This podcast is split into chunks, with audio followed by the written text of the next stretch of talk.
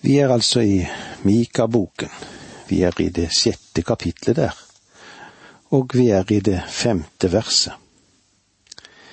Mitt folk kom i hu hvilke planer han hadde Malak, kongen i Moab.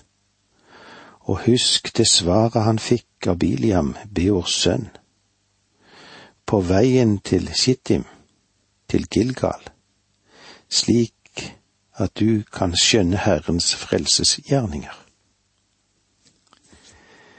Det vi har foran oss her, er en henvisning til det vidunderlige som skjedde, og som går tilbake i den tid da israelsfolket sto i ferd med å dra inn i løftets land.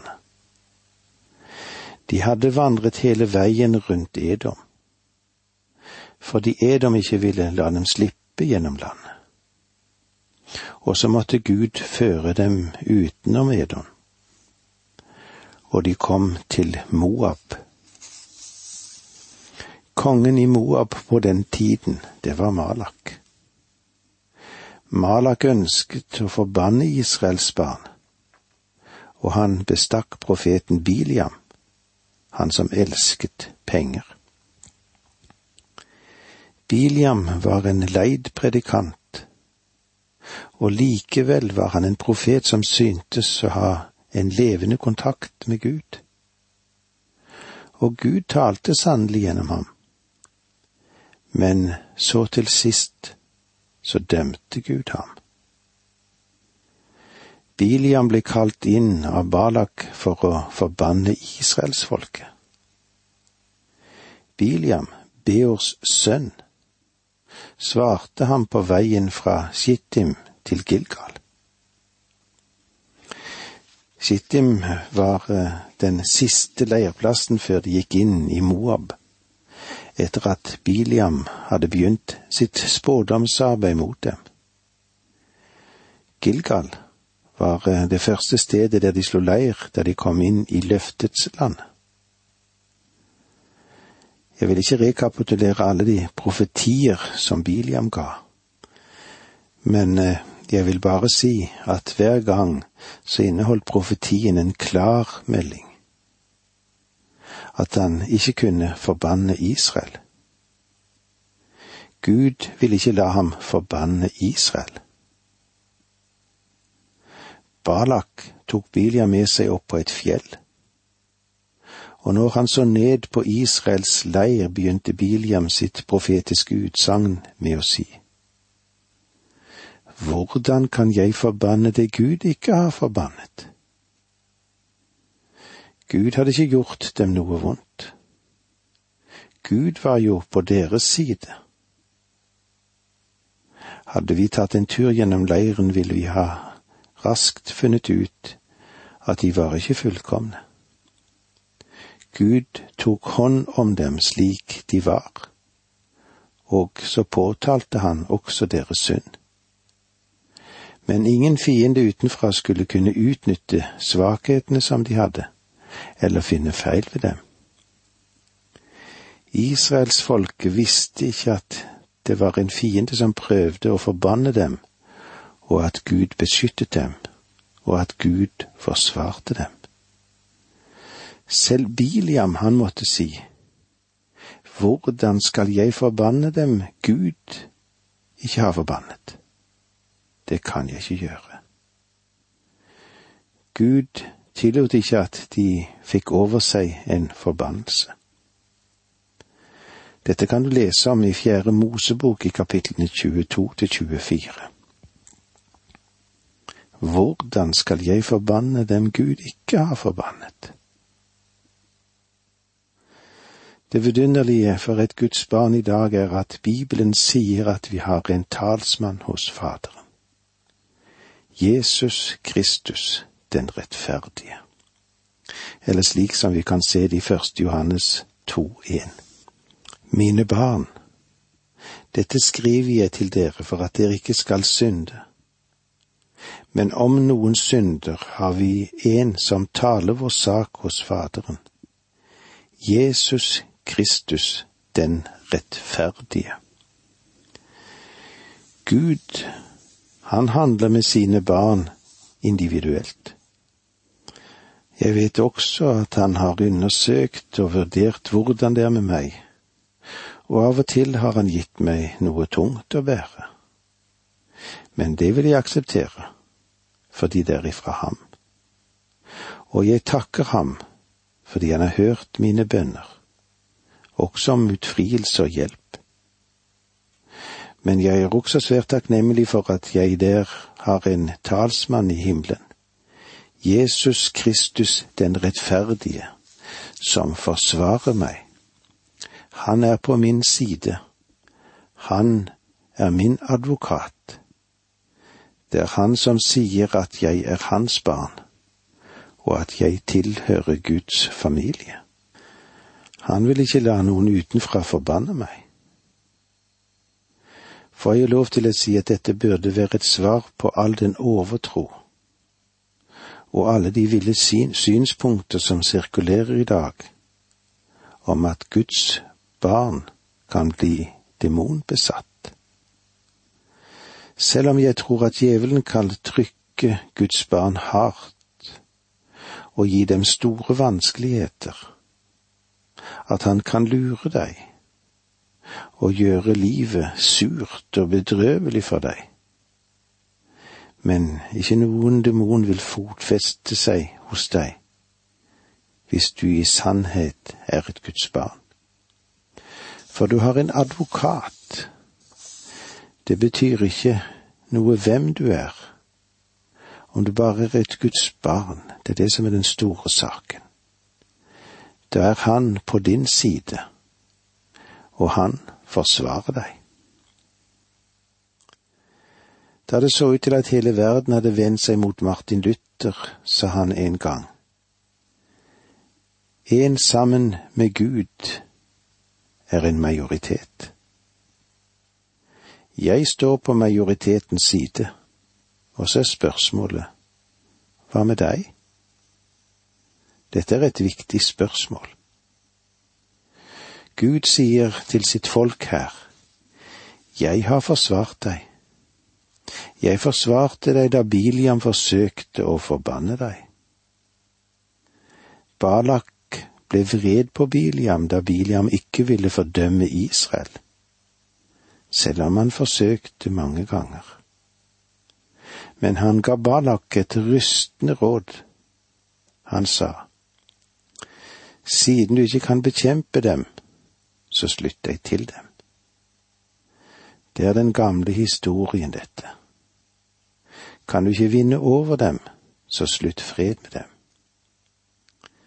Biljam sa til Moabs konge, Sørg for at disse to folkene gifter seg med hverandre. Og det var nøyaktig det som hendte. Og det var det som førte Moabs avgudsdyrkelse inn blant israelsfolket. Og alt dette hendte på grunn av et råd fra en falsk profet. Og jeg ønsker å si noe med alvor, men også med ømhet. Ja, det er et viktig punkt vi er innom. I dag kan vi få en hel del av det de kaller for ekteskapsrådgivninger fra mange falske profeter. Mye av dette har ikke noe skriftsmessig grunnlag. Jeg vet at noe har et grunnlag i det at han henter et lite vers her og et lite vers der, og så kan det bli bygget opp så svær et høyt forsvar gjennom dette. Men jeg må få lov å si til dere at det er bare én ting som kan få et ekteskap til å fungere, og det er sann kjærlighet som har trofasthet i seg inntil døden, som et merketegn. Om du kan se på henne og si jeg elsker deg, og hun kan se på deg og si Jeg elsker deg. Da vil Guds ord gi dere alt det dere trenger for å løse livets problemer. Gud minner Israel om at han er en rettferdig Gud, men han forsvarte dem. Han var på deres side, og det er vidunderlig å ha Gud på vår side. Og med disse ordene sier vi takk for nå, må Gud være med deg. Dette undervisningsprogrammet består av to deler. Åge Nevland fortsetter nå med andre del av dagens undervisning. Vi er i profeten Mika. Vi er i det sjette kapitlet.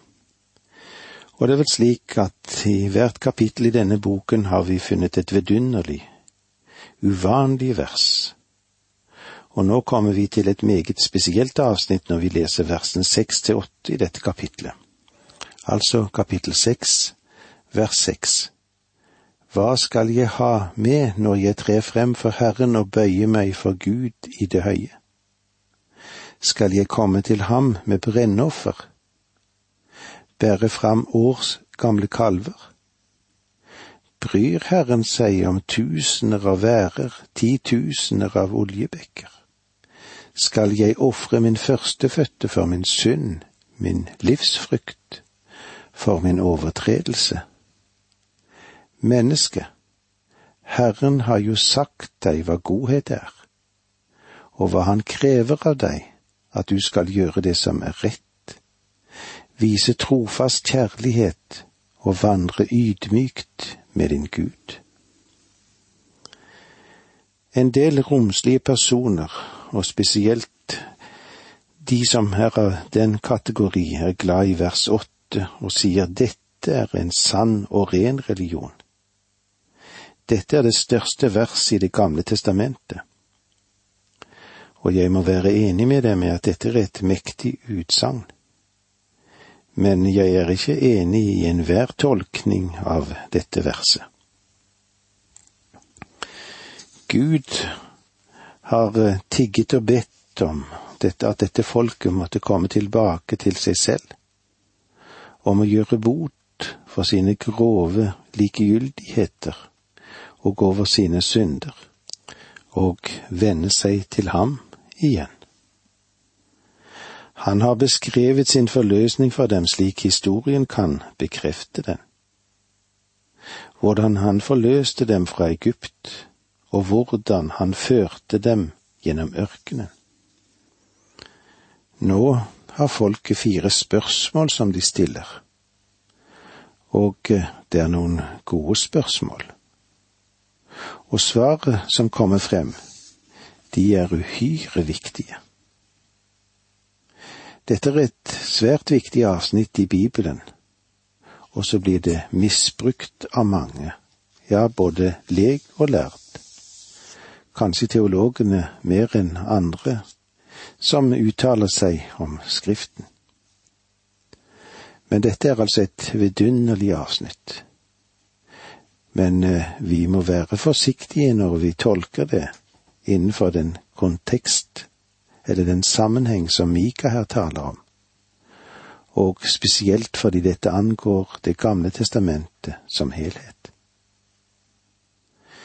Jeg er sikker på at ethvert menneske som tror på en Gud, ønsker å stille spørsmålet.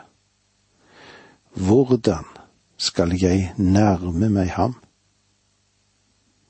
Om du ikke er en ateist, så vil spørsmålet ganske klart krysse din tanke. Hvordan skal jeg nærme meg ham? De hedenske nasjoner i fortiden og moderne hedninger har stilt dette spørsmålet, og de har besvart det. Det hedenske synspunktet kommer først og fremst til uttrykk i deres avguder, deres ideoler, og de kan være skremmende.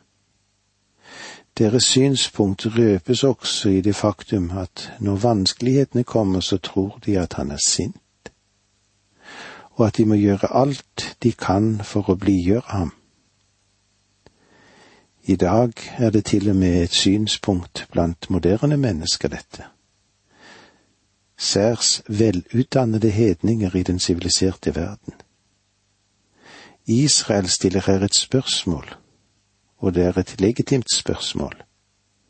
Et spørsmål som et hvilket som helst gjennomsnittsmenneske vil stille.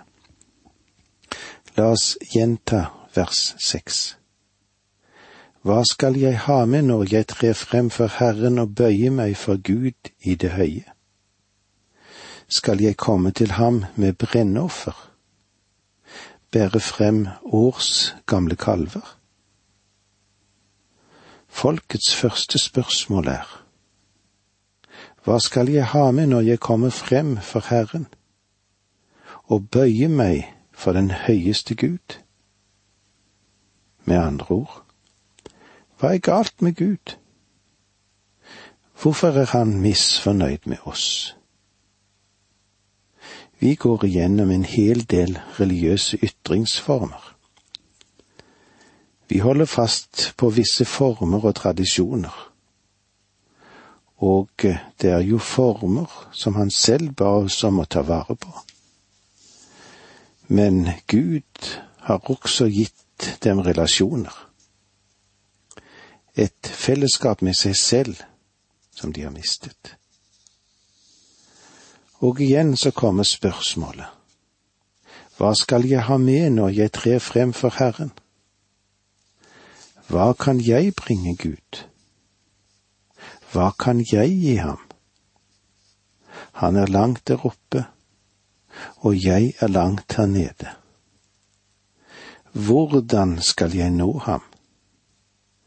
Hvordan skal jeg kunne kommunisere med ham? Hvordan skal jeg få kontakt med ham?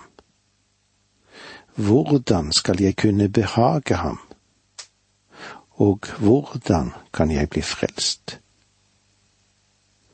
Fangevokteren i Filippi, som var en hedning, stilte spørsmålet.